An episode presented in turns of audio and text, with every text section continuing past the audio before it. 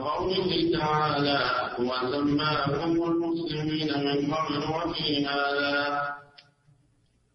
بسم الله الرحمن الرحيم. الحمد لله رب العالمين. صلى الله وسلم على نبينا محمد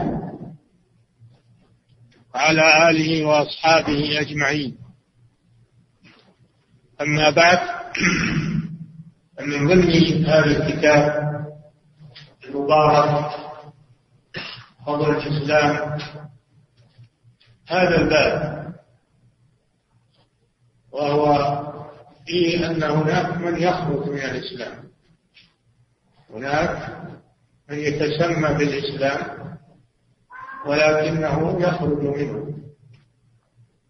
بسبب أنه يرتكب ناقضا من نواقض الإسلام.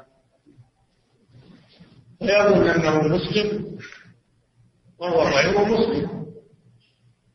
مثال ذلك الذي يشهد لا إله إلا الله محمد رسول الله ويصلي ويصوم. هذا مسلم لكنه إذا دعا غير الله استغاث بغير الله ذبح لغير الله أشرك بالله. خرج من الإسلام.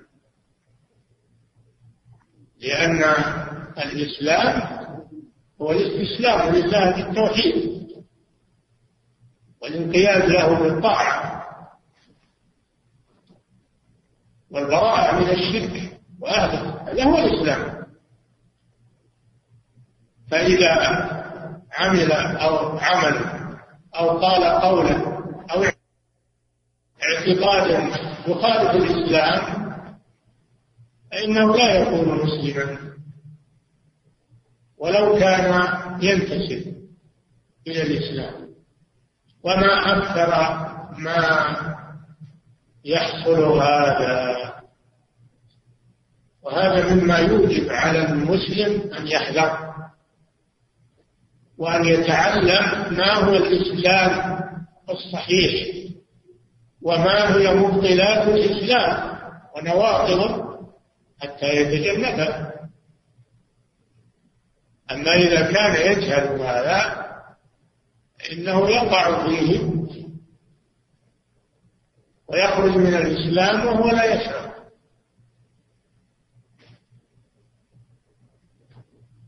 الله جل وعلا يقول ملة أبيكم إبراهيم وسماكم المسلمين. سماكم المسلمين. من قبل. وفي هذا ليكون الرسول شهيدا عليكم وتكونوا شهداء على الناس. واجتباكم وما جعل عليكم في الدين من حرج. ملة أبيكم إبراهيم. ما هي ملة أبينا إبراهيم؟ في التوحيد. والإخلاص لله عز وجل والبراءة من الشرك وأهله. هذه ملة أبينا إبراهيم. وما خالفها فإنه كفر وشرك بالله عز وجل. وهذه دعوة الرسل كلها من أولهم إلى آخرهم يدعون إلى إفراد الله بالعبادة وترك عبادة ما سواه. لقد بعثنا في كل أمة رسولا أن اعبدوا الله واجتنبوا الطاغوت. ما أرسلنا من قبلك من رسول إلا نوحي إليه أنه لا إله إلا أنا فاعبدون هكذا. نعم. عن الحارث الأشعري رضي الله عنه عن النبي صلى الله عليه وسلم أنه قال آمركم بخمس الله أمرني بهن السمع والطاعة والجهاد والهجرة والجماعة. فإنه من فارق الجماعة قيد شبر فقد خلع رفقة الإسلام من عنقه إلا أن يراجع. نعم. هذا الحديث في أن النبي صلى الله عليه وسلم قال آمركم بخمس.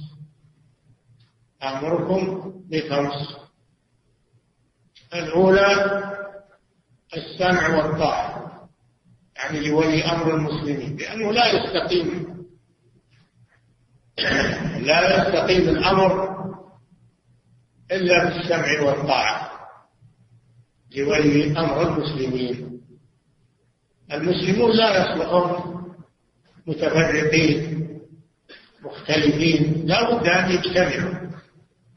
لا بد أن يجتمعوا ويتوحدوا. ولا يجتمعون إلا على إمام وولي أمر. ولا تحصل الإمامة وولاية الأمر إلا بالسمع والطاعة. لكن في غير المعصية كما قال صلى الله عليه وسلم لا طاعة لمخلوق في معصية الخالق أما الأمر بغير المعصية يجب السمع والطاعة لولي الأمر وإلا ما يتم اجتماع المسلمين ولا تتوحد كلمتهم ولا يكون لهم جماعة ينضوون تحتها هذه واحدة السمع والطاعة. الذي لا يسمع لولي الأمر ولا يطيع هذا ليس من الجماعة. خرج عن الجماعة. من خرج عن الجماعة كما سمعت فقد خلع رفقة الإسلام من عنقه. هذا وعيد شديد. الأمر ليس بالهين أن الإنسان ينعزل عن المسلمين ويختلف عن المسلمين باجتهاده هو ورأيه هو. فلا بد من الاجتماع. من أجل أن تتوحد كلمة المسلمين وتتم مصالحهم ويقوم أمرهم الثاني الجهاد في سبيل الله. الجهاد في سبيل الله لإعلاء كلمة الله. الله جل وعلا أمر بالدعوة أولا دعوة الكفار والمشركين إلى الإسلام لأنه هو دين الله عز وجل. وما عداه فهو باطل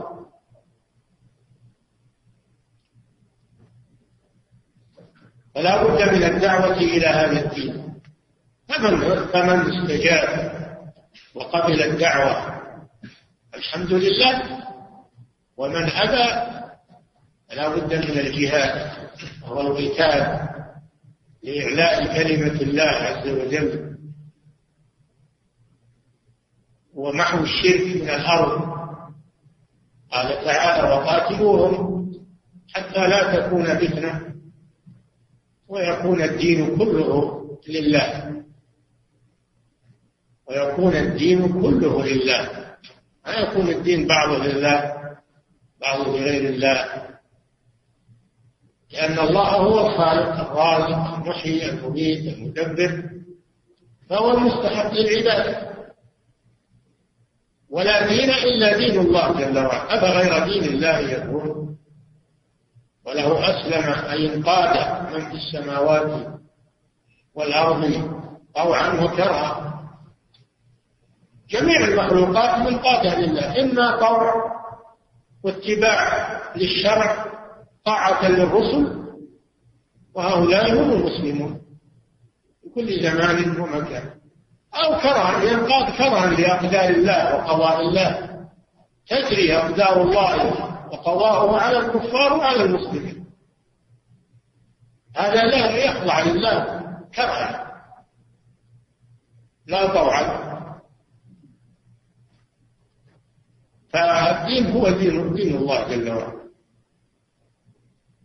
لا دين سواه ولا يقبل الله من أحد سواه يوم القيامة. أما دام الأمر كذلك فلا مجال لبقاء دين غير دين الإسلام.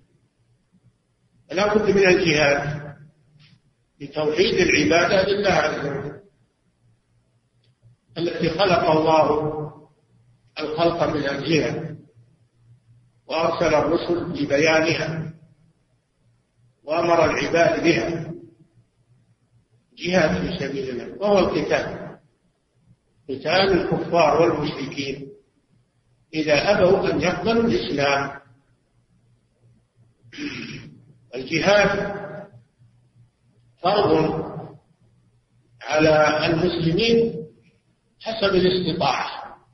قال تعالى كتب عليكم القتال. وهو كره لكم.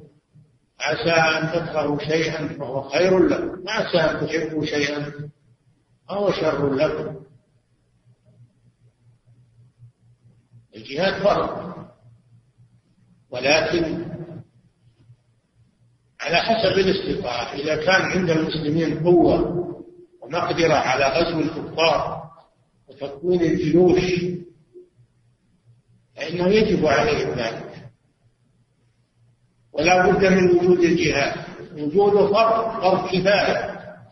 إذا قام به من يكفي سقط الإثم عن الباقين وبقي في حق البقية سنة من أفضل العبادات. وإذا لم يكن به من يكفي يأخذ الجميع الجهاد فرض فرض كفاية. لا بد منه. أما إذا كان المسلمون ليس عندهم استطاعة فإنهم ينتظرون. إلى أن يقووا ويكون عندهم قوة.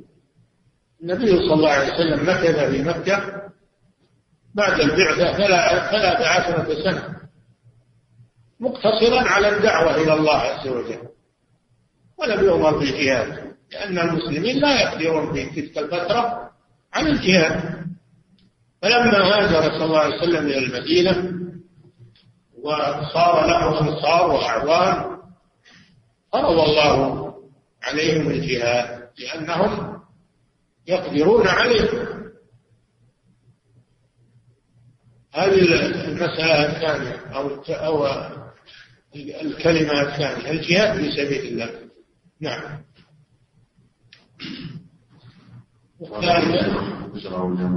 والهجرة. الهجرة. والهجرة مأخوذة من الهجر وهو الترك. الهجر هو الترك ترك الشيء. قال تعالى والرجز فأجر. والرجز هو الأصنام هجرها تركها. هذا في اللغة. الهجرة هي الترك ترك الشيء. هجره إذا تركه. وأما في الشرع فالهجرة هي الانتقال من بلد الكفر إلى بلد الإسلام. فرارا بالدين. فرارا بالدين.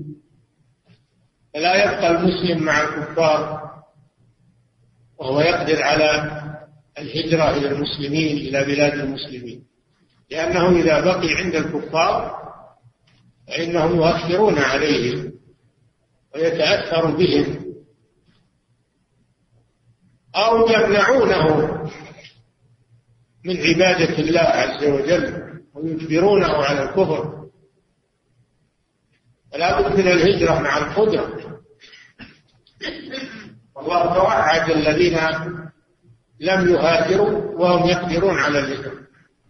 شحا بوطنهم أو بأموالهم أو الله جل وعلا يقول إن الذين تتوفاهم الملائكة ظالمي أنفسهم. أي تركوا الهجرة. قالوا فيما كنتم؟ قالوا كنا مستضعفين في الأرض. أي مستضعفين في الأرض تبقون؟ انتقلوا. قالوا كنا مستضعفين في الأرض. قالوا ألم تكن أرض الله واسعة؟ فتواجبوا فيها. إذا كنتم مستضعفين في هذه الأرض فلماذا لا تنتقلون إلى أرض تكونون أقوياء فيها؟ قالوا كنا مستضعفين في الأرض. قالوا ألم تكن أرض الله واسعة؟ فتهاجروا فيها. فأولئك مأواهم جهنم وساءت مصيرا إلا المستضعفين من الرجال والنساء والولدان لا يستطيعون حيلة ولا يهتدون سبيلا فأولئك عسى الله أن يعفو عنهم وكان الله عفوا غفورا. ومن يهاجر في سبيل الله ومن يهاجر في سبيل الله يجد في الأرض مراغما كثيرا وسعة بدل ما يكون مضيق عليه في هذه البقعة يجد أرضا واسعة. ومن يخرج من بيته مهاجرا إلى الله ورسوله ثم يدركه الموت فقد وقع أجره على الله. كان الله غفورا رحيما. كان الله غفورا رحيما إذا ماتوا في الطريق فقد كتب الله له أجر الهجرة. هذا فضل عظيم. الحاصل أن الهجرة لا بد منها وهي قرينة الجهاد. قرينة الجهاد. الذين آمنوا وهاجروا. هاجروا. وجاهدوا في سبيل الله. وجاهدوا بأموالهم وأنفسهم في سبيل الله. والذين آمنوا وهاجروا وجاهدوا بأموالهم وأنفسهم في سبيل الله. الهجرة قرينة الجهاد في سبيل الله. وفيها فضل عظيم. نعم. الرابعة الجماعة. أن تلزم جماعة المسلمين ولا تشد عنهم.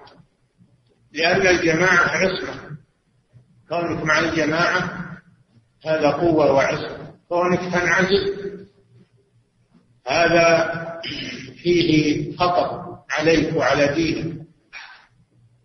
فكن مع جماعة المسلمين ومع إمام المسلمين.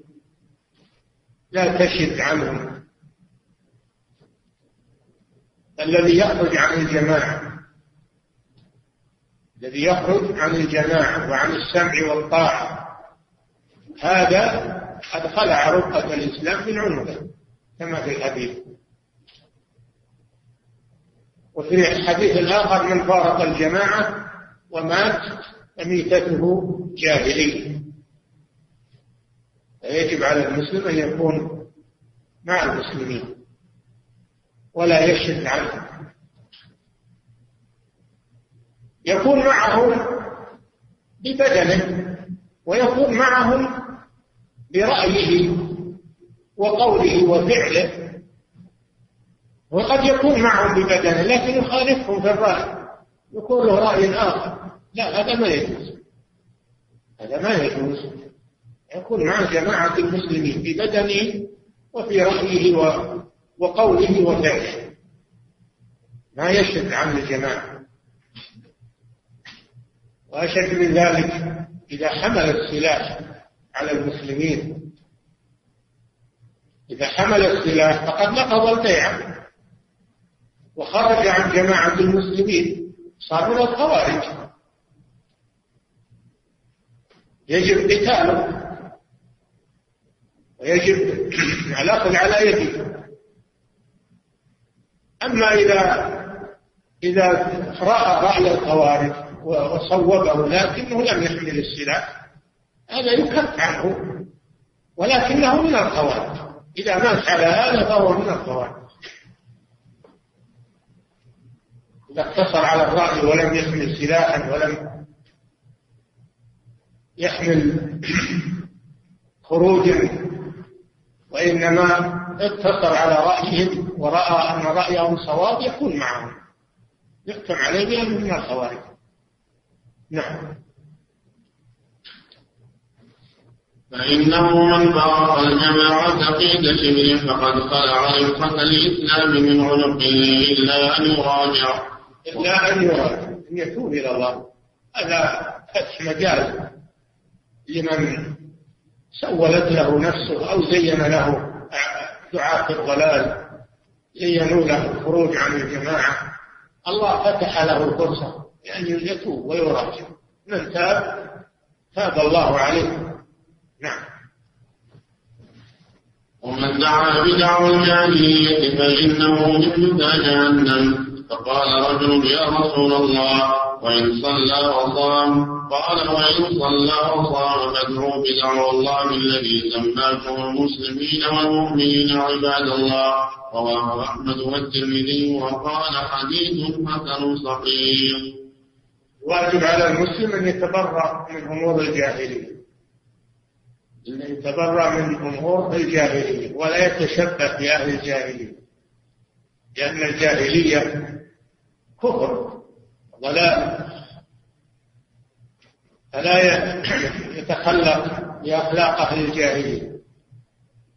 والجاهلية هي ما كان قبل بعثة النبي صلى الله عليه وسلم. هذا هو الجاهلية ما كان قبل بعثة النبي صلى الله عليه وسلم. ولما بعث رسول الله صلى الله عليه وسلم زالت الجاهلية العامة وجاء العلم والقرآن والسنة.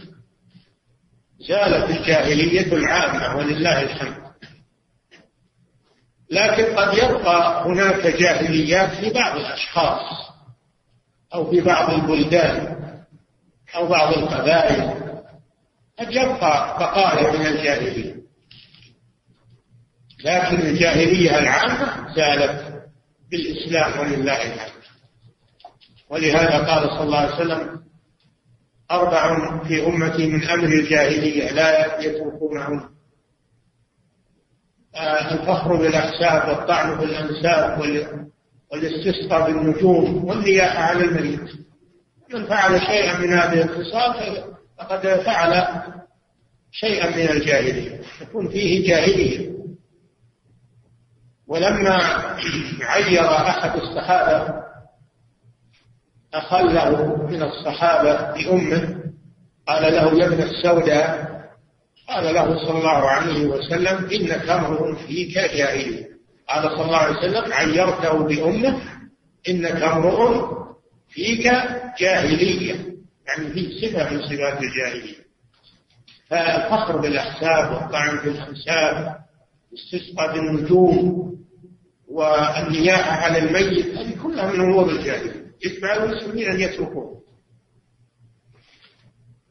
وكذلك العصبية القبلية الإنسان يتعصب لقبيلته. المسلمون كالجسد الواحد ما في فرق بين مسلم ومسلم.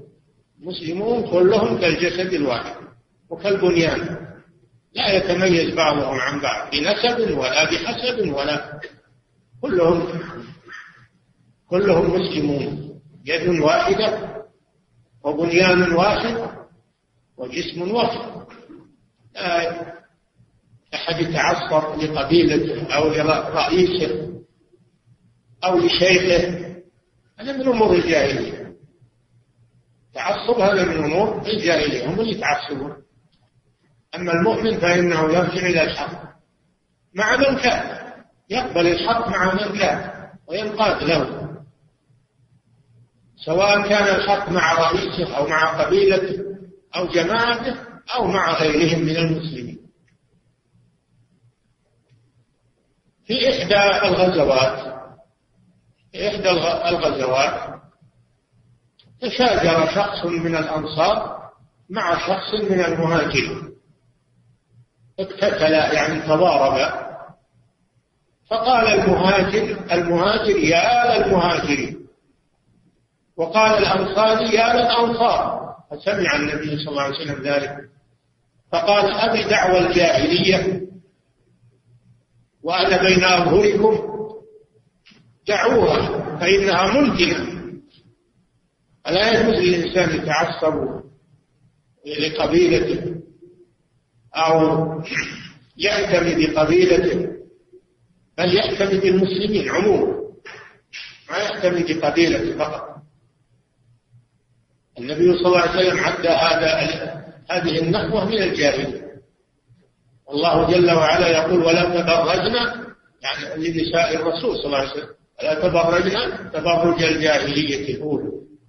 ويقول سبحانه وتعالى يظنون بالله غير الحق ظن الجاهلية.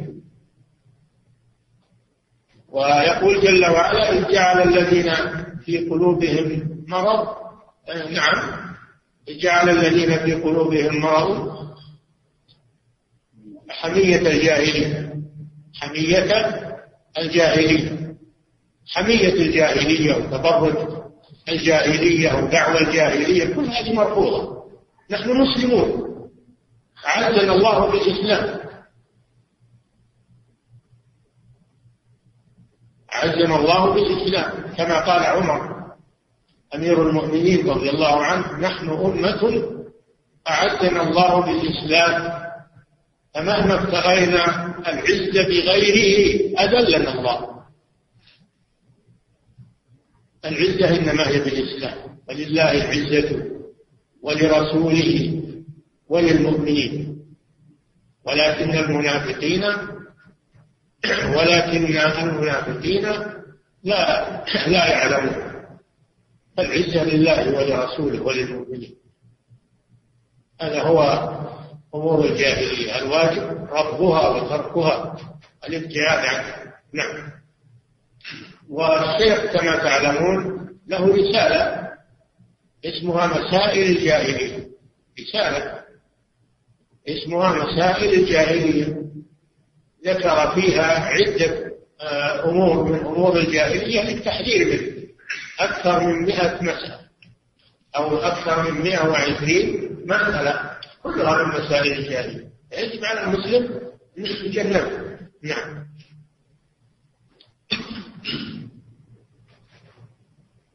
قال الشيخ فإنه من جهنم نعم. فإنه من أعد العبارة. قال ومن دعا بدعوى الجاهلية فإنه من هدى جهنم. نعم. من جثى جهنم. هذا وعيد شديد. فوعده لأنه يكون من أهل النار. بسبب أنه أنه دعا بدعوى الجاهلية. والواجب أن المسلم يدعو بالإسلام لا بدعوى الجاهلية بالأخوة في الدين. نعم. فقال رجل يا رسول الله وإن صلى وصام. قال وإن صلى وصام فادعوا بدعوى الله الذي سماكم المسلمين والمؤمنين عباد الله. نعم يكون من جثى جهنم ولو صلى وصام يعذب بهذه الخصلة يعذب بهذه الخصلة والمؤمن قد يعذب في النار. وإن لم يكفر لكنه قد يعذب بكبيرة في النار ويخرج منها بعد ذلك. نعم. وفي الصحيح من فارق الجماعة في كشف فمات فميتته جاهلية. نعم. هذا أيضا في الحث على لزوم الجماعة. من فارق الجماعة في شبر ولو قليل. ولو قليل. أدنى مفارقة للجماعة. ومات على هذا. ولم يتب هذا فيه فتح مجال لمن ابتلي بشيء من الشذوذات والمخالفات. فتح الله له المجال أن يتوب قبل الموت. أما إذا مات فإنه يميت ميتة الجاهلية. يعني يموت ومعه خصلة من خصال الجاهلية. نعم. وفيه بدع الجاهلية وأنا بين أظهركم نعم هذا في القصة التي ذكرناها لكم في إحدى الغزوات. لما اقتتل شابان واحد من المهاجرين وواحد من الأنصار. وكل منهم انتقى بجماعته مهاجر انتخى بالمهاجرين والأنصاري انتخى بالأنصار هذا من أمور الجاهلية. ولا المسلمون ما يجوز انه يدعو بدعوى الجاهلية. نعم. قال أبو العباس كل ما خرج عن دعوى الإسلام والقرآن من نسب أو بلد أو جنس أو مذهب أو طريقة فهو من عزائم الجاهلية. قال أبو العباس شيخ الإسلام ابن تيمية رحمه الله مبينا ما هي الجاهلية.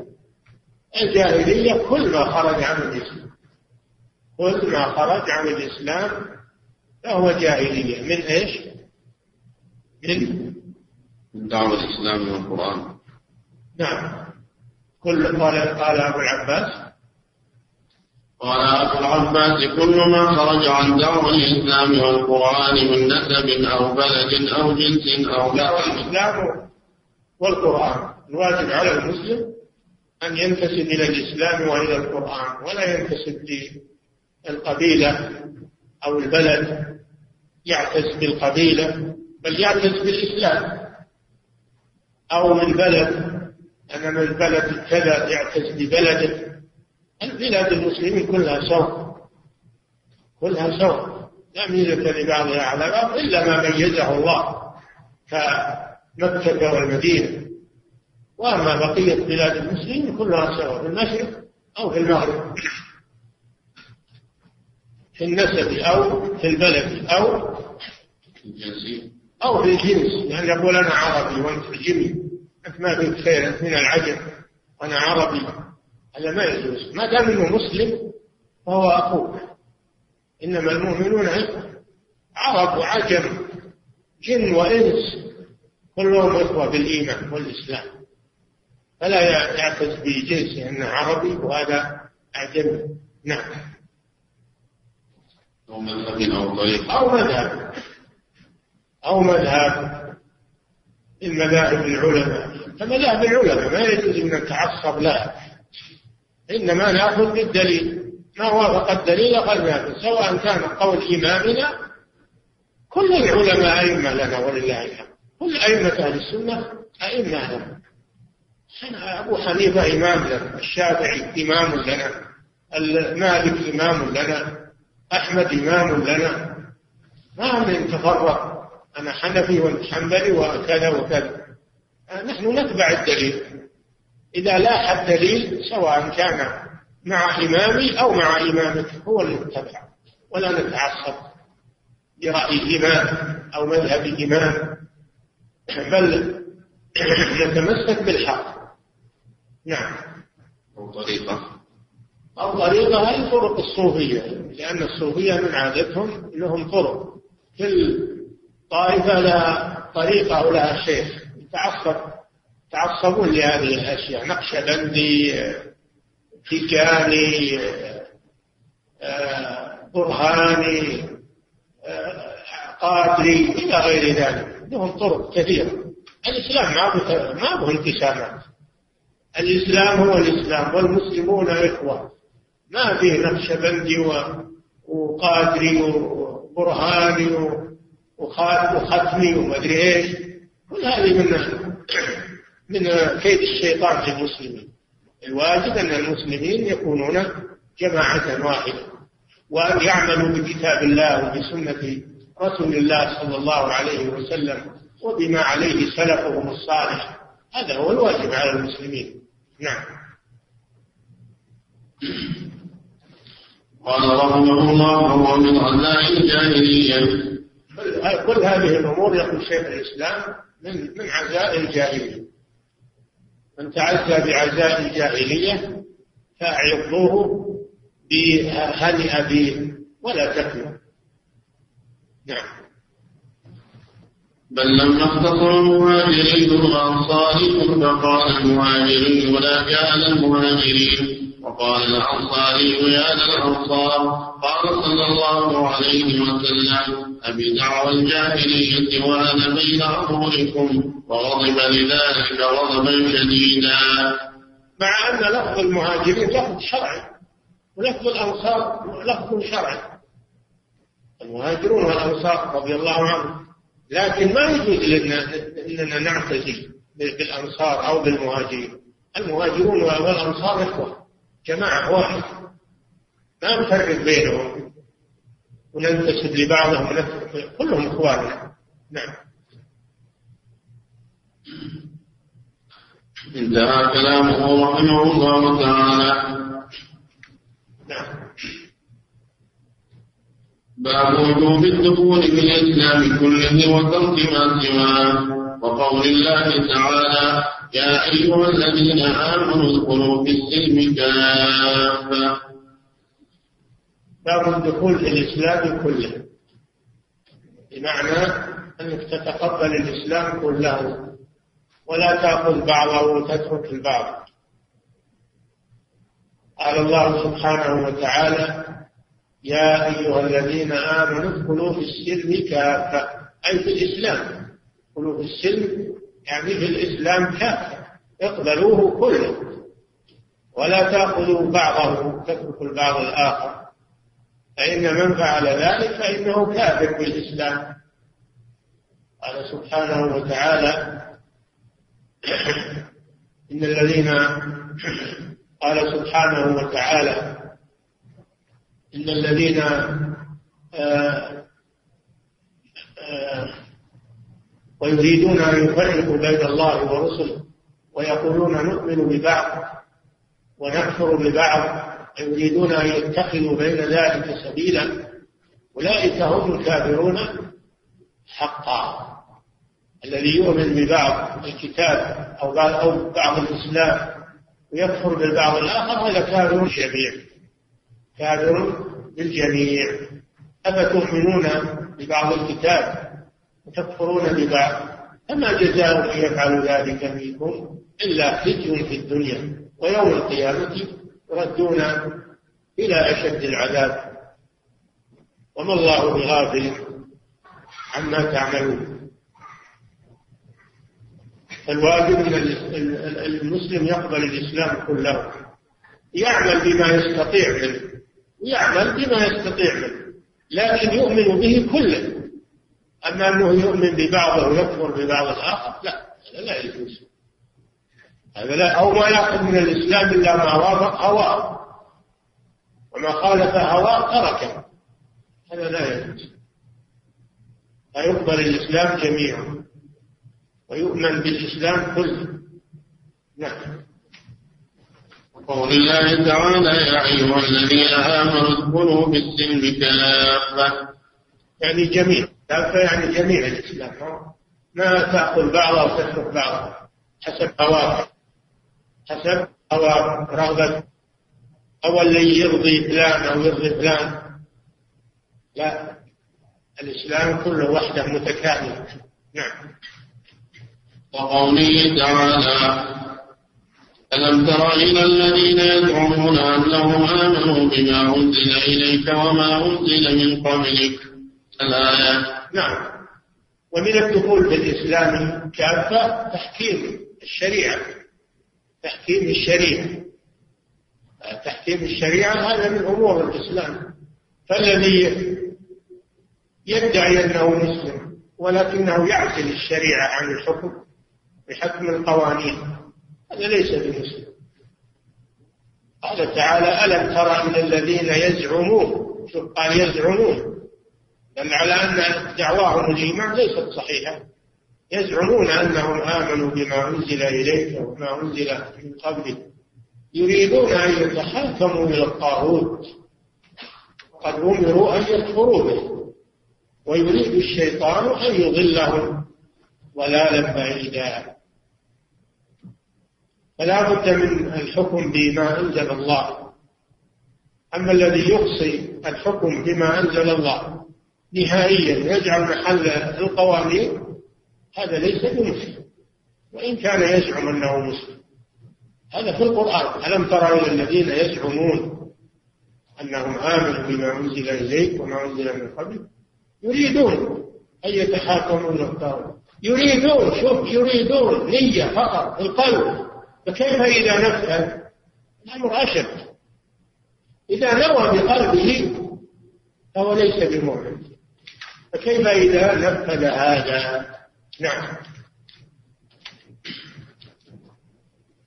وقوله تعالى إن الذين فرقوا دينهم وكانوا شيعا لست منهم في شيء. اي نعم هذا فيه نهي عن التفرق في الدين. التفرق في الدين. إن الذين فرقوا دينهم وكانوا شيعا أي أحزابا وجماعات المسلمون جماعة واحدة. حزب واحد هم حزب الله وجند الله.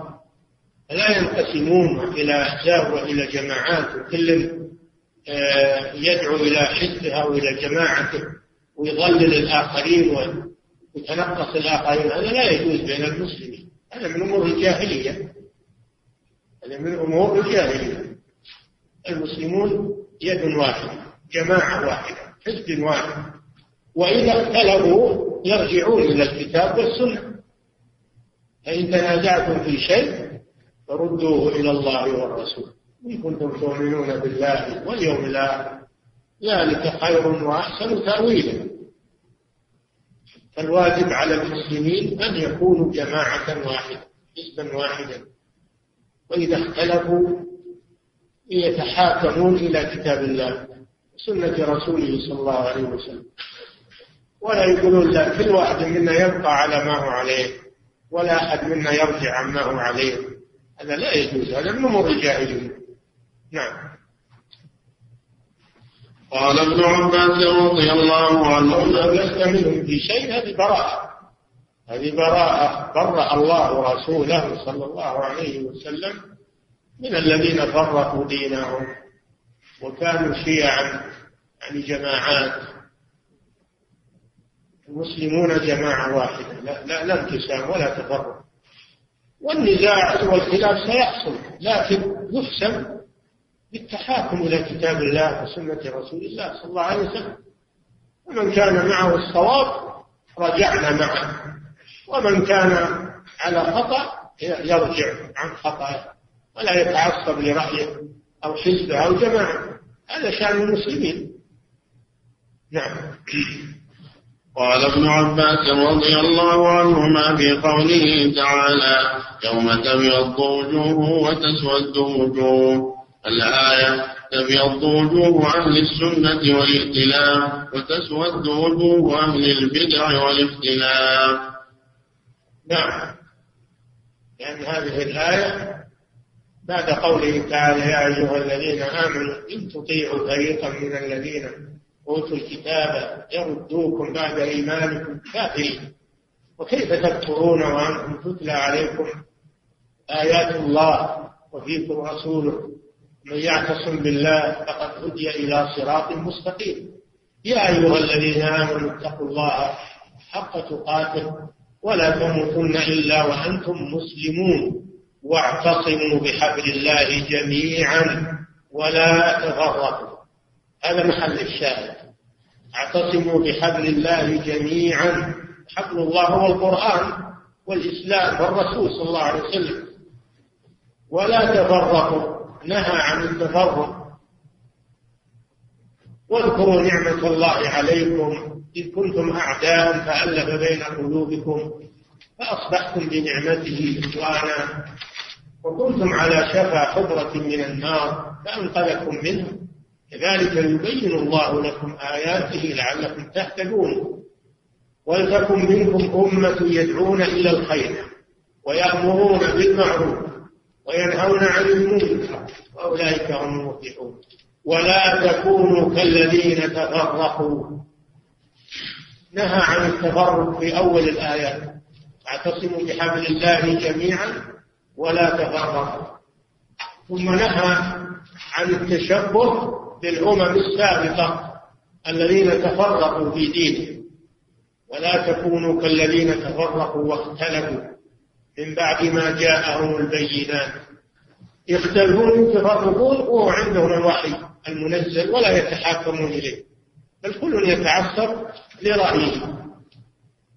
وأولئك لهم عذاب عظيم. الذين تفرقوا واختلفوا وتركوا تحكيم ما أنزل الله بينهم لم يرجعوا لحسم الخلاف إلى كتاب الله وسنة رسوله بل كل بقي على مذهبه وتركوا الكتاب المنزل واكتفوا بمناهجهم وبمذاهبهم وبأقوالهم.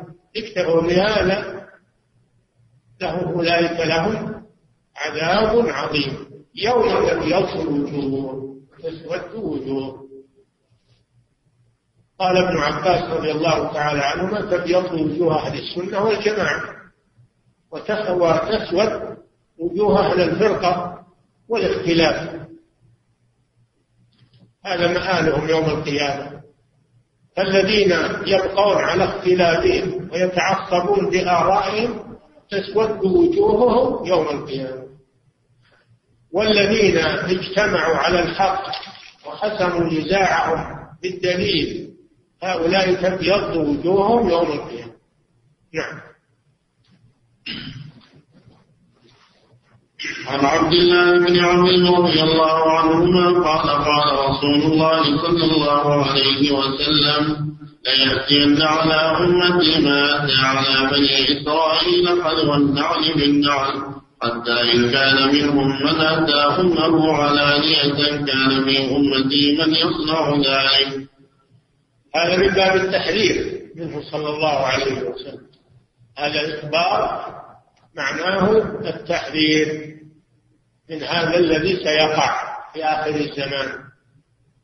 تحذير الأمة وهذا من حرصه صلى الله عليه وسلم على أمته وشفقته بهم. أنه أخبرهم عما يحصل وبين لهم كيف النجاة كيف النجاة بنو إسرائيل تفرقوا واختلفوا ولا تكونوا كالذين تفرقوا واختلفوا من بعد ما جاءهم البينة. هذا في بني إسرائيل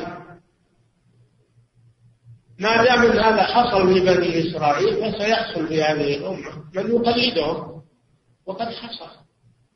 لكن عند حدوثه يجب على المسلم أن لا يتعصب وإنما يحرص على الدليل واتباع الكتاب والسنة حتى ينجو من هذه الفتنة وهذا الشر وهذا الاختلاف. فهذا خبر معناه التحديد وهو من معجزاته صلى الله عليه وسلم. أخبر أنه سيوجد من يتشبه باليهود والنصارى.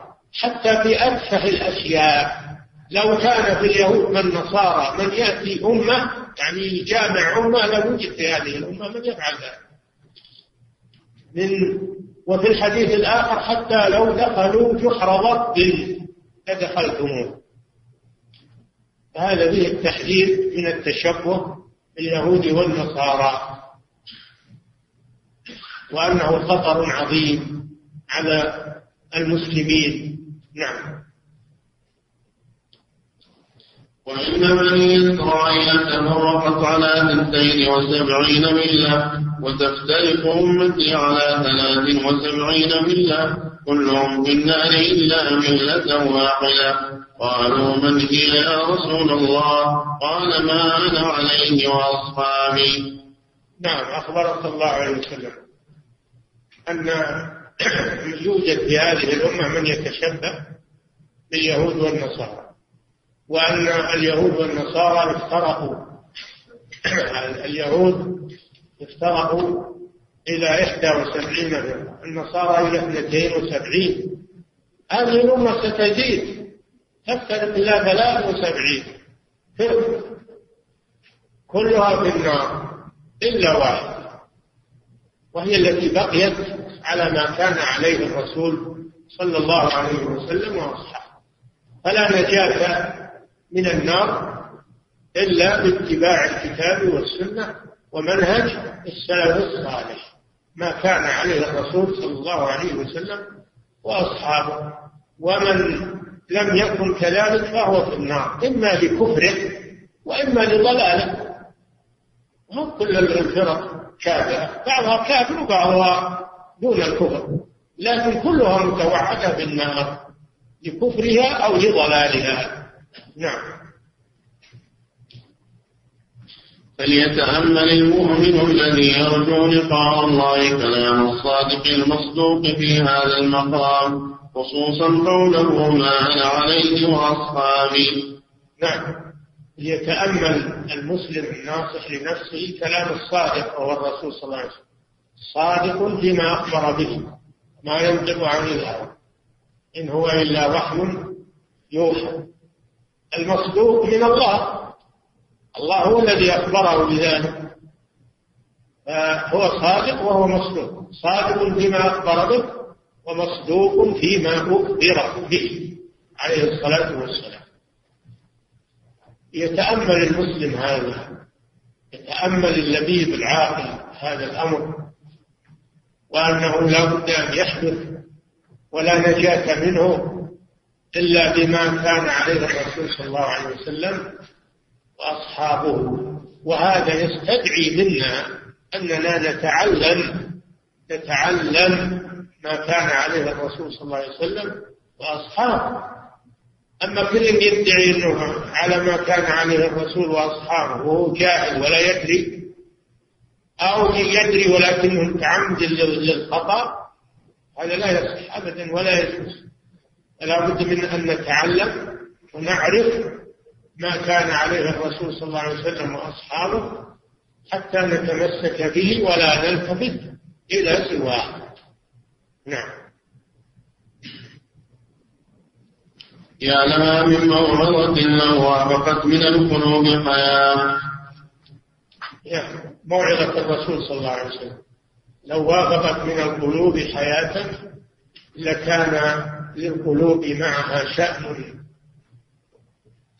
بالاعتبار والامتثال والحرص على معرفة الحق والعمل به وأن لا يكون الإنسان إن مع مع الناس أينما كان بل يكون مع الحق دائما وابدا. ولا يقلد في غير هدى تقليد الأعمى. عليه أنه يعرف الحق أولا ثم يعمل به ويدعو إليه. هذا هو الواجب على على كل مسلم. أما أن نقول دعوا الناس حرية الرأي الرأي والرأي الآخر. لا تحجرون على الناس لا تضيقون على الناس. هذا كلام باطل هذا كلام أهل الضلال والعياذ بالله. هذا مخالف لقول الرسول صلى الله عليه وسلم. الواجب إننا ندعو الناس إلى الصواب وإلى الحق. ما نقرهم على ضلالهم وعلى ما هم عليه حريه الراي ما في حريه راي في الكتاب والسنة. لو كان في حرية رأي ما احتجنا إلى الرسل ما احتجنا إلى الكتب. كل يتبع رأيه وكل يتبع عقل آه، الرأي الرأي إذا خالف آه، إذا خالف الوحي يجب أن يترك الرأي. إذا خالف الوحي. أما إذا وافق الوحي الحمد لله. علي بن أبي طالب رضي الله عنه يقول لو كان الدين بالرأي لكان مسح أسفل الخف أو لكان أسفل الخف أولى بالمسح من أعلى. وقد رأيت النبي صلى الله عليه وسلم يمسح على أعلى الخف الدين ما هو الرأي اتباع. ويقول عمر رضي الله عنه يا أيها الناس اتهموا الرأي في الدين. ولو رأيتني يوم أبي جندل أن أرد أمر رسول الله صلى الله عليه وسلم وأجتهد ولا آل قصة الحديبية لما تم الصلح بين النبي صلى الله عليه وسلم والمشركين وكان من بنوده أن من جاء من المسلمين إلى من جاء من المسلمين من جاء من الكفار إلى المسلمين مسلما أن المسلمين يردونه على الكفار. موجب العهد ومن جاء ومن ذهب إلى الكفار لا يردونه من ذهب من المسلمين إلى الكفار لا يردونه هذا من الذنوب. شق هذا على عمر. أنه ما يعرف العواقب. كيف هذا؟ النبي صلى الله عليه وسلم يقول من ذهب منا إليهم فلا خير فيه. ذهب من المسلمين إلى الكفار لا خير به لا يرجع ومن جاء من المسلمين إلى المسلمين وردوه فسيجعل الله له فرجا ومخرجا. من يتق الله يجعل له مخرجا. ثم بعد ذلك تبين الحق وأن هذا الصلح هو في غاية المصلحة للمسلمين لأنه كف أذى الكفار عن المسلمين وسمحوا للمسلمين بالهجرة وكثر المهاجرون والحرب وضعت أوزارها وصار المسلمون يدعون إلى الله عز وجل ولا أحد يعترضهم. فسماه الله فتحا مبينا. إنا فتحنا لك فتحا مبينا. هذا هو صلح الحديبية. وعمر يقول لو لو كان الدين بالرأي يقول يتهم الرأي بالدين. فلو رأيتني يوم أبي جندل. أبو جندل بن سهيل بن جاء من المسلم يرسخ في قيوده يريد المسلمين أنهم ينقذونه الرسول رده بموجب العهد. رده مع أبيه سهيل بن عمرو يموت بالعهد وهو يصير يصرخ. لأن الرسول يفي بالعهود عليه الصلاة والسلام.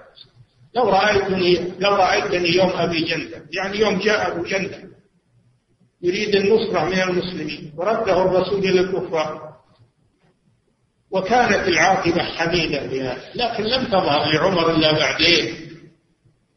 الدين ما الرأي ما له دخل في الدين أبدا. نعم.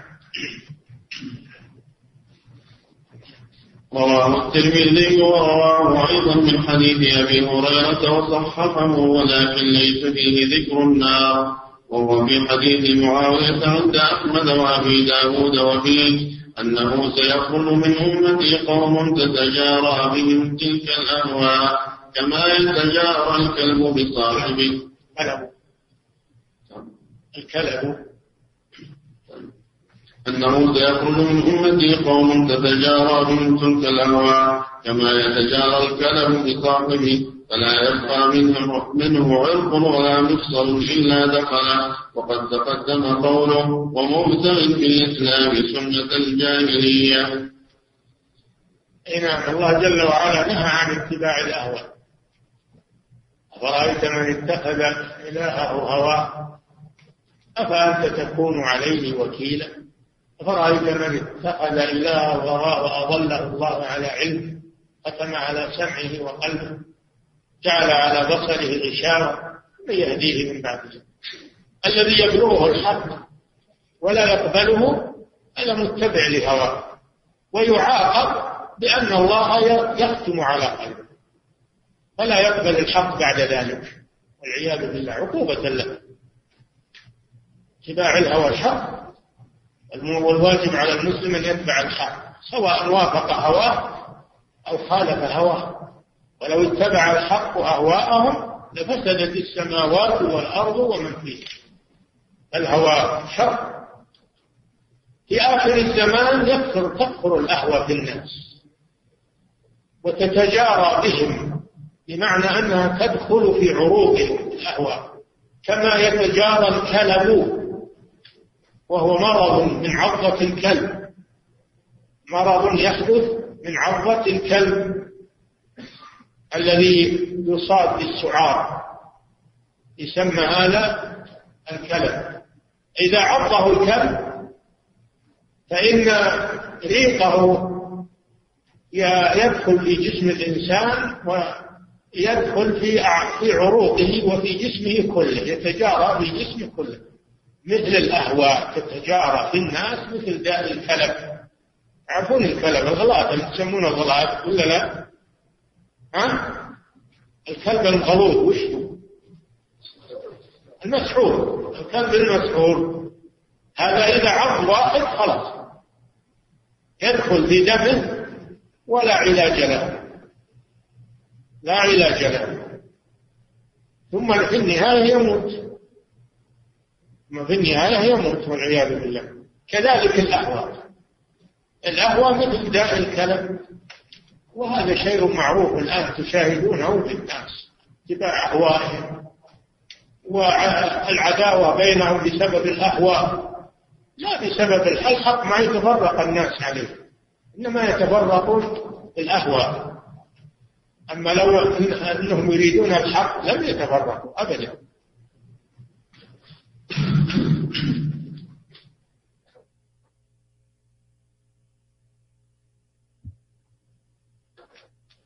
والآن نبدأ بعرض الأسئلة آه، من الإخوة في عرعر. تفضل شيخ عواد. ويروى عن ابن مسعود ما رآه المسلمون حسنا يعني المسلمون كلهم هو بعضهم ما رآه المسلمون حسنا فهو عند الله حسن. الذي يخرج عن طاعة ولي أمر المسلمين هذا ليس من الجماعة. بشهادة الرسول صلى الله عليه وسلم. شهادة الرسول عليه الصلاة والسلام الذي يخرج عن طاعة ولي أمر المسلمين.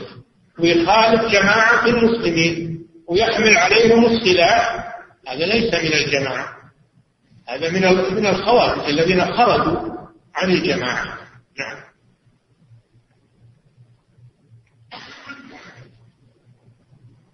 أحسن الله إليكم.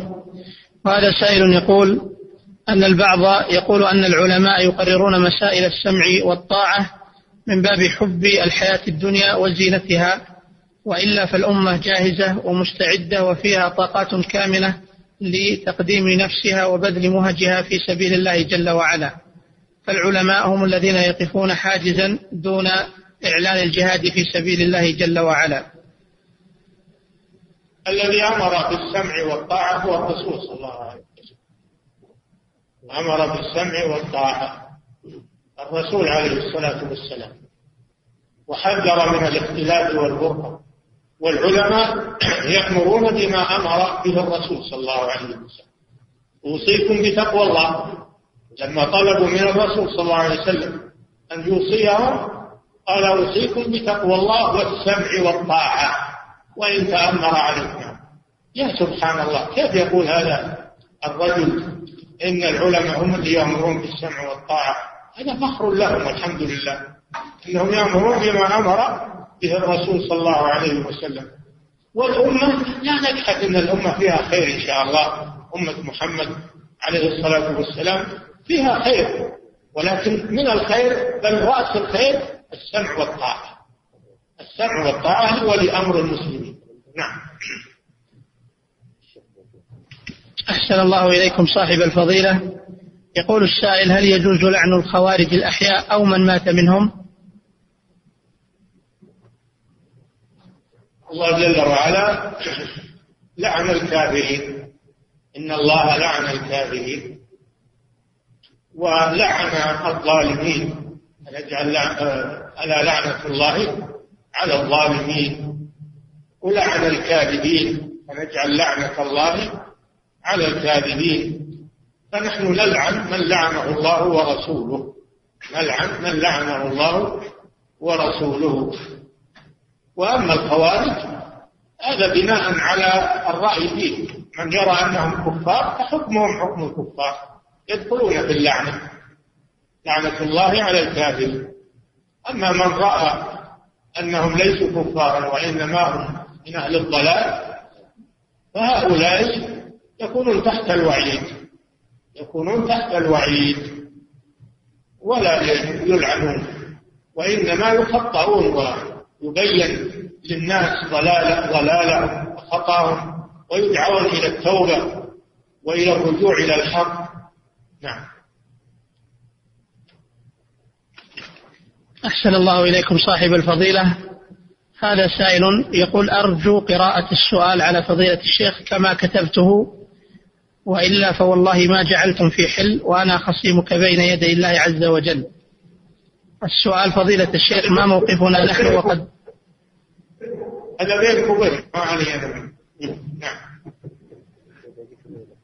أنا قرأت لأن كثير من الأسئلة حفظك الله ترد إلي بهذه الصيغة وبعضهم يصدرها ويقول أسألك بالله العظيم أن تعرض هذا السؤال على فضيلة الشيخ. وأنا قرأت قصدا آه، لأجل هل أنا ملزم بقراءة مثل هذه الأسئلة أم لا؟ الذي ترى فيه خير للمستمعين للمسلمين تقرأ واللي ترى ما فيه فائدة تتركه. أو إن إعلان للناس ما هو مناسب تتركه. نعم. أحسن الله إليكم. يقول السائل هل المشعري والفقيه وأسامة بن لادن يسمون ممن فارق الجماعة؟ وما رأيكم بمن يقول أن الشيخ بن باز لم يتكلم في أسامة بن لادن؟ والفتوى المنسوبة للشيخ مكذوبة عليه ويحتج كثيرا بهذه المقولة.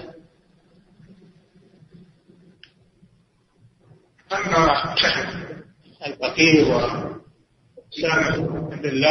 والمشعري أنتم تحكمون عليهم من أفعالهم وأقوالهم تحكمون عليهم من أفعالهم وأقوالهم وهي موجودة لا تكذبوا عليهم ولكن احكموا عليهم بما ظهر منهم من التصرفات وأما أن الفتوى مكتوبة على الشيخ فهذا هو الكذب ألكاذب هو اللي يقول إنها مكذوبة. ليست مكذوبه ونحن سمعناها من الشيخ سمعناها من الشيخ رحمه الله.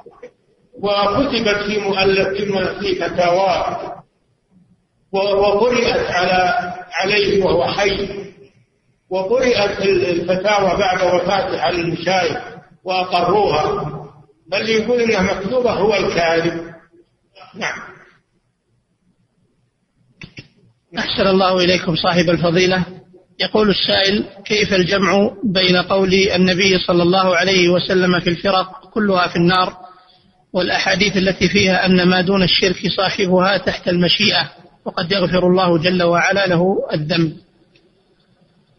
لا لا تعارض بين ذلك. هو متوعد في النار وهو تحت المشيئة. هو متوعد في النار وهو تحت المشيئة. إن شاء الله نفذ به الوعيد وإن شاء غفر له. فلا تعارض بين هذا وهذا. نعم. أسأل الله جل وعلا أن يعظم لكم الأجر المطلوب فضيلة الشيخ. ونستأذنكم لطرح الأسئلة يقول السائل يزعم بعض الناس أن ترك الرسول صلى الله عليه وسلم لجهاد الكفار في بداية البعثة وحتى الهجرة إلى المدينة أن ذلك بسبب عدم مشروعية الجهاد في تلك الفترة. وليس بضعف المسلمين وعدم قدرتهم نرجو التوضيح وفقكم الله ونفع بكم المسلمين. نعم هو عدم مشروعية الجهاد لكن لماذا لم يشرع الجهاد؟ لأن المسلمين لا يستطيعونه في تلك الفترة ترك الجهاد في مكة لأنه لم يشرع لماذا لم يشرع؟ لأن المسلمين لا يستطيعون الجهاد في تلك الفترة نعم يقول السائل هل الأشاعرة والماتريدية من أهل السنة والجماعة أم هم خارجون عن أهل السنة والجماعة؟ أهل السنة والجماعة ما الدعوة إنما حقيقة قال صلى الله عليه وسلم من كان على ما أنا عليه وأصحابه وهل الرسول وأصحابه ينفون صفات الله عز وجل؟ هل هم ينفون الأسماء والصفات؟ حاشا وكلا فمن خالف ما عليه الرسول صلى الله عليه وسلم وأصحابه في الأسماء والصفات أو في التوحيد أو في أي مسألة من مسائل الدين فهو ليس من أهل السنة والجماعة فيما خالف فيما خالف فيه. قد يكون منهم فيما وافق فيه أهل السنة والجماعة. نعم. أحسن الله إليكم. يقول السائل هناك من يؤمن بكامل الإسلام وشرائعه ولكنه في بعض الأمور يعصي الله هل ينطبق عليه الإيمان ببعض الكتاب والكفر ببعض؟ الإيمان غير العمل الإيمان بالقلب إذا كان إذا كان يعتقد بعض الكتاب ولا يعتقد البعض الآخر أو يشك فيه هذا يؤمن ببعض الكتاب ويكفر ببعض أما العمل فقد يكون كفرا قد يكون العمل كفرا وقد يكون فسقا وقد يكون معصية. يختلف إذا لم يستحل ما حرم الله ولم يحرم ما أحل الله وإنما يرتكب بعض المخالفات لهوى وشهوة فقط وهو يعتقد تحريم ما حرم الله وحل ما أحل الله هذا ليس بكافر هذا عاصي. هذا عاصي ومعصيته قد تكون كبيرة قد تكون صغيرة على حسب المخالفة. نعم. أحسن الله إليكم. يقول السائل هناك من يقول بأن حديث الفرقة الناجية غير موجود في الصحاح وأنه لم يتفق على صحته وأن هناك من ضعفه فلا يجوز الاستشهاد به فما قول سماحتكم في هذا؟ لازم الحديث لازم يكون في الصحيحين دواوين السنة ولله الحمد كلها موجودة كلها يحتج بها لو كان ما يصح إلا ما في الصحيحين ما ألف العلماء هذه الكتب السنن والمسانيد وتعب كم يقتصرون على الصحيحين. الكلام هذا ما هو جيد الكلام هذا ما هو جيد. والحديث وإن ضعف بعض الأحاديث شخص؟ يصححها أشخاص آخرون. وينظر أيهم الذي على الصواب. هو المصحح ولا المضاعف. هذه القضية القضية أنه ضعف فلان وخلاص. يطرح. لا. ينظر فيه هذا شأن العلماء. ما هو شأن المتعالمين والجهال هم اللي يصححون ويضعفون ويحتجون ويلغون الاحتجاج هذا من شأن أهل العلم والبصيرة الراسخين في العلم. نعم. نشكر الإخوة في نشكر الإخوة في إليك ولضيق الوقت نعرض الأسئلة في الرياض حفظكم الله. فضيلة الشيخ هذا سائل يقول سمعنا وما زلنا نسمع عن الجماعات الإسلامية المنتشرة في العالم سواء كانت خارج المملكة أو في داخلها. يقول مثل جماعة التبليغ وجماعة الإخوان وجماعة السرورية وجماعة أنصار السنة إلى آخره. وغيرها من الجماعات مما سبب إشكالا كبيرا على طالب العلم. وسؤالي هنا فضيلة الشيخ هل هذه الجماعات بصفة عامة على حق أم على بدعة وضلال؟ ويسأل يقول وهل الجماعات الموجودة داخل هذا البلد هي نفس الجماعات في خارجه من حيث الجملة والتفصيل؟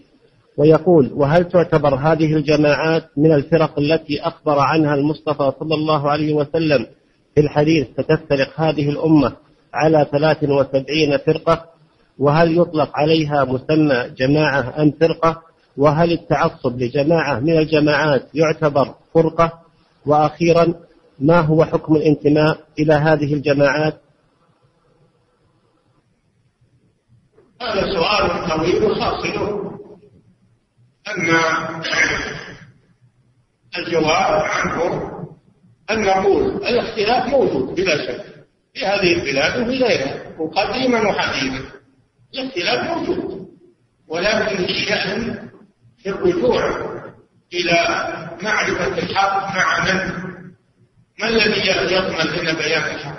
الذي يضمن لنا هذا كتاب الله وسنة رسوله صلى الله عليه وسلم وما عليه السلف الصالح. فنحن نرجع أمر هذه الجماعات وهذه الفرق نرجعها إلى الكتاب والسنة. الله جل وعلا ما تركنا عملا تركنا للإختلاف. بل أنزل إلينا الكتاب وأرسل إلينا رسولا. وأمرنا بالرجوع إلى كتاب الله سنة رسوله صلى الله عليه وسلم. قال عليه الصلاة والسلام فإنه من يعش منكم سيرى اختلافا كثيرا فعليكم بسنتي وسنة الخلفاء الراشدين المهديين من بعدي تمسكوا بها وعضوا عليها بالنواجذ وإياكم ومحدثات الأمور. فإن كل محدثة بدعة وكل بدعة ضلالة. الحمد لله عندنا ما يبين لنا الحق. إذا كنا نريد الحق أما الذي لا يريد الحق وإنما يريد التعصب لرأي أو لجماعة أو لمثله هذا حسابه على الله لكن الذي يريد الحق؟ هذا الكتاب والسنة والحمد لله. وسؤال أهل العلم اللي ما يعرف يأخذ من الكتاب والسنة يسأل أهل العلم فاسألوا أهل الذكر إن كنتم لا تعلمون. الأمور مضبوطة لله الحمد وهذه تدخل كل اختلاف يدخل في قول فإن تنازعتم في شيء يدخل يدخل فيه كل اختلاف. كل جماعة تدخل في هذا. فإن تنازعتم في شيء فردوه إلى الله والرسول. ذلك خير وأحسن تأويل. الواجب على كل مسلم أن يراجع الكتاب والسنة. إن كان يحسن المراجعة وإن كان لا يحسن عليه أن يسأل أهل العلم الموجودين الذين يعرفون الحق من الباطل. نعم. أحسن الله إليكم. الأسئلة هنا كثيرة ولكن نفتح المجال لسؤال واحد ومعنا الأمير خالد بن طلال. يرغب في عرض سؤاله مباشرة فضيلة الشيخ. نعم. بسم الله الرحمن الرحيم. السلام عليكم ورحمة الله وبركاته. نعم. معالي الشيخ جزاك الله خير وجزا الله خير المشايخ وخاصة الشيخ من عرعر وطلاب العلم من عرعر عن الأسئلة الواضحة والصريحة آه، التي المفروض أن يرد عليها علماءنا شرواك آه، كي يكشفون الشبهات. وأحث آه، الذين يسلمون الأسئلة أن لا يحجبون هذه الأسئلة على علمائنا لأنهم يتبعون ويردون مما هو في الكتاب والسنة. والسلف الصالح. السؤال الله يسلمك. في الحديث آه، من نصفة أنه كلما خرج عن دعوة الإسلام والقرآن من نسب أو بلد أو جنس أو مذهب أو طريقة إلى آخره وثم في نهاية آه، الحديث الآخر كلهم في النار إلا ملة واحدة. ففي الحديثين هذه الله يسلمك لو توضحوا لنا معالي الشيخ أنها كثير من الجماعات والمذاهب من الصوفية والرافضة وما يدعون بالمالكية وإلى آخره آه، يظهرون. فيجب علينا أو بأن آه، نوضح لهم من نحن من آه، جماعة الكتاب والسنة. وإذا لم نوضح أنفسنا فاختلطنا بالآخرين. وأظن هناك بالحديثين فيه ليس تناقض ولكن لو توضحنا الاختلاف في الحديثين والتعليق على ما ذكرته. جزاك الله خير.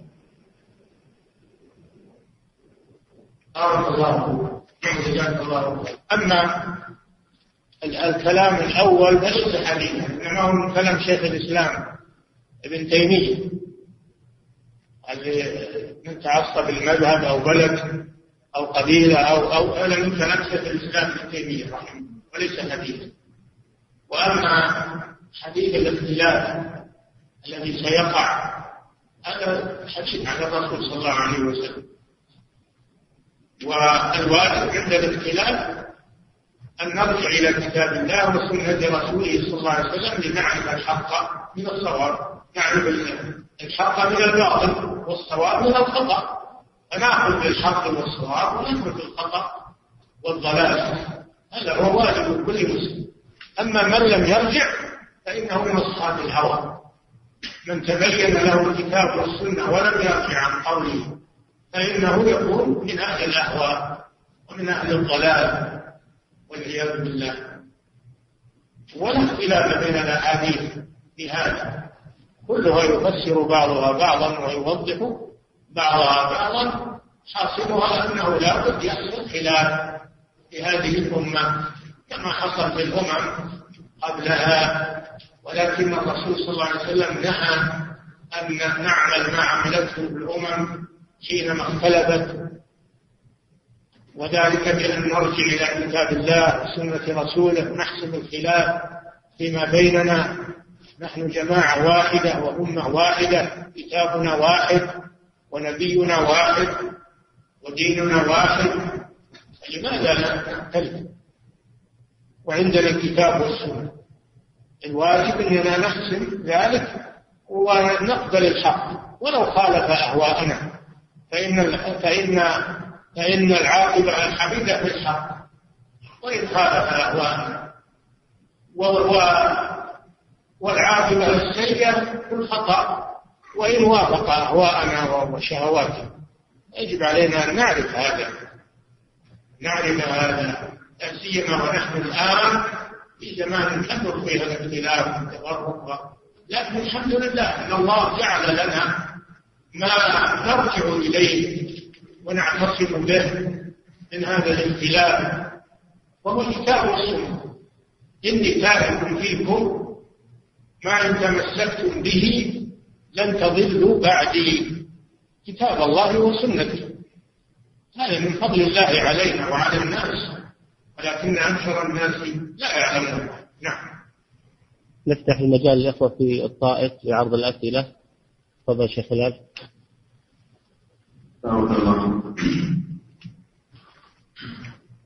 فضيلة الشيخ هذا سائل يقول ما معنى لفظ خفة الإسلام المذكور في حديث الحارث رضي الله عنه؟ هذا من باب التشبيه. كان من عادة العرب أنهم يربطون البهائم خصوصا الصغار في رقابها يجعلون له رد يسمونها الرد يجمعون في رباط واحد كل واحد يدخل في رقبته منه شيء. تكون المجتمعة فمن خرج عن الجماعة فهو مثل مثل البهيمة الصغيرة التي خلعت من رقبتها. تضيع يأكلها الذئب تضيع. أو يأكلها الصغار. وكذلك من فارق الجماعة وهو مثل هذه البهيمة التي خلعت من عنقها وتعرضت للأخطار هذا من باب التشبيه التوضيحي منه صلى الله عليه وسلم. نعم. أحسن الله إليكم. يقول متى يكون الجهاد على المسلمين ضد الكافرين فرض عين مع ما نراه من تسلط المشركين وضعف المسلمين وما هي ضوابط الخروج إلى الجهاد في بعض البلدان؟ التي يقوم بها الجهاد في الشيشان والعراق وفلسطين وغيرها من بلاد المسلمين؟ أولا نعلم أن الجهاد كما في كتب العقائد الجهاد من صلاحيات إمام المسلمين. هو الذي يقود الجهاد بنظم الجيوش والسرايا وهو الذي يرتبها ويتابعها فهو من صلاحيات الإمام إمام المسلمين. وهذا موجود في العقائد. كل عقيدة الطحاوية الواسطية أو راجعوا يقول الجهاد مع مع كل إمام برا كان أو فاجرا إلى أن تقوم الساعة. هذا نعرف هذا لابد نعرفه ما هو بجهاد فوضى كل من أراد أن يأخذ سلاحه ويقتل ويدمر ويعدو في الأرض فسادا هذا ما هو جهاد هذه فوضى هذه ناحية الناحية الثانية أن الجهاد يكون فرض عين في ثلاث مسائل. المسألة الأولى إذا حصر بلده عدو. يجب على كل من يستطيع الجهاد أن يدافع عن البلد والحرمات مسألة الثانية إذا حضر المعركة فلا يجوز له أن يفر وهو يستطيع الجهاد. قال تعالى يا أيها الذين آمنوا لقيتم الذين كفروا زحفا فلا تولوهم الأدبار. ومن يولهم يومئذ دبره إلا متحرفا لقتال أو متحيزا إلى فئة فقد باء بغضب من الله ومأواه جهنم وبئس المصير. وقال والنبي صلى الله عليه وسلم عد الفرار من الزحف من الكبائر كما في الحديث فرار من الزحف الصورة الثالثة إذا استنفره الإمام إذا أمر الإمام عليه أنه يغزو مع المجاهدين يجب عليه الامتثال. إذا كان يستطيع لقوله تعالى يا أيها الذين آمنوا ما لكم إذا قيل لكم انفروا في سبيل الله استعقلتم إلى الأرض. تريدون عرض الدنيا والله يريد الآخرة؟ يا أيها الذين آمنوا ما لكم إذا قيل لكم انفروا في سبيل الله استقلتم إلى الأرض أرضيتم بالحياة الدنيا من الآخرة؟ فما متاع الحياة الدنيا بالآخرة إلا قليل إلا تنفروا يعذبكم عذابا أليما ويستبدل قوما غيركم ولا تضروه شيئا. الله على كل شيء هذه الثلاث يكون الجهاد فيها فرض عين نعم. أحسن الله إليكم. قل هل يصح الاستدلال بقوله تعالى وإن استنصروكم في الدين فعليكم النصر الآية؟ إلا على قوم ما كملت إلا على قوم بينكم وبينهم ميثاق إذا استنصر بنا المسلمون لننصرهم على عدوهم يجب علينا النصر. إلا بمسألة إذا كان القوم الذين يستنصروننا عليهم بيننا وبينهم لا نساعدهم عليهم. يعني هذا نقض للعهد إلا على قوم بينكم وبينهم ميثاق. نعم.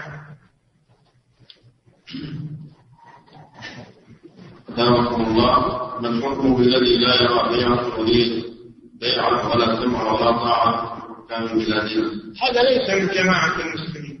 اللي ما يرى بيعة ولا إمام هذا ليس من من المسلمين ليس من جماعة المسلمين. المسلمون يرون البيعة ويرون الجماعة. ولا يفارقونها يلتزمون بالسمع والطاعة. نعم. بارك الله هذه أسئلة حدث عن طريق الإنترنت من الآراء وهي طويلة حقيقة نعرض من سؤالين فقط. والباقي درس آخر إن شاء الله. السؤال الأول قال شيخ الإسلام رحمه الله تعالى العدو الصائم الذي يفسد الدين والدنيا لا شيء أوجب بعد الإيمان من دفعه فلا يشترط له شرط بل يدفع بحسب الإمكان وقد نص على ذلك العلماء أرجو بيان معنى قوله رحمه الله فلا يشترط له شرط بل يدفع بحسب الإمكان وأن هناك فرق بين حال عدو الأبناء إحصاره ومدافعته للبلد المسلم وبين حال أثناء احتلاله وسيطرته على ذلك البلد من حيث وجوب الدفع والشروط. هذا مثل ما قلنا إذا حاصر البلد عدو وبالمسلمين قدرة على مدافعته يجب عليه المدافعة. أما إذا كان ما عندهم قدرة لا يكلف الله نفسا إلا وسعها. كان عندهم قدرة يجب عليهم مدافعته. إن كان ما عندهم قدرة فالله جل وعلا لا يكلف الله نفسا إلا وسعها. نعم. رحمه الله هل يجب أو يحق لطلبه العلم في البلد المختلف أن يفتوا الناس يفتوا للناس بالنوافل ومسائل الجهاد عند غياب أهل العلم في بلدهم وتعرضوا للاتصال بغيرهم في حال البلد أرجو بيان ذلك.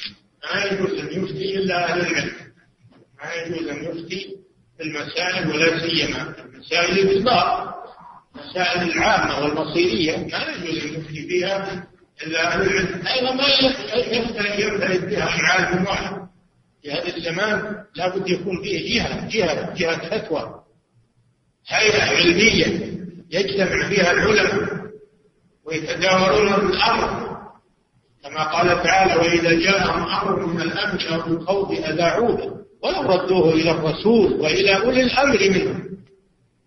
لا بد أن هذا يعرض على الجماعة جماعة من العلماء من المفتين. المضبوطين بعلمهم وتقواهم جماعة عمر رضي الله عنه إذا جاءت مهمة جمع لها المهاجرين والأنصار وهو عمر. ما يمكن فيها هو يجمع المهاجرين والأنصار يستشيرهم في هذا الأمر في الأمور المصيرية أما المسائل الوردية فمن كان عنده علم وسأله سائل سؤالا خاصا به هو فإنه يفتي بما عنده من العلم. أما الأمور العامة فلا يفتي فيها إلا أهل العلم والرأي وأهل الثقة الذين الذين يجتهدون في المسألة ويتداولونها ربما يكون عند بعضهم ما ليس عند الآخر يتعاونون في حلها. الخلاف المعضلات هذا الأمور سهلة نعم. أدامكم الله ولد الشيخ وبارك فيكم صلى الله وسلم وبارك على نبينا محمد وعلى آله وصحبه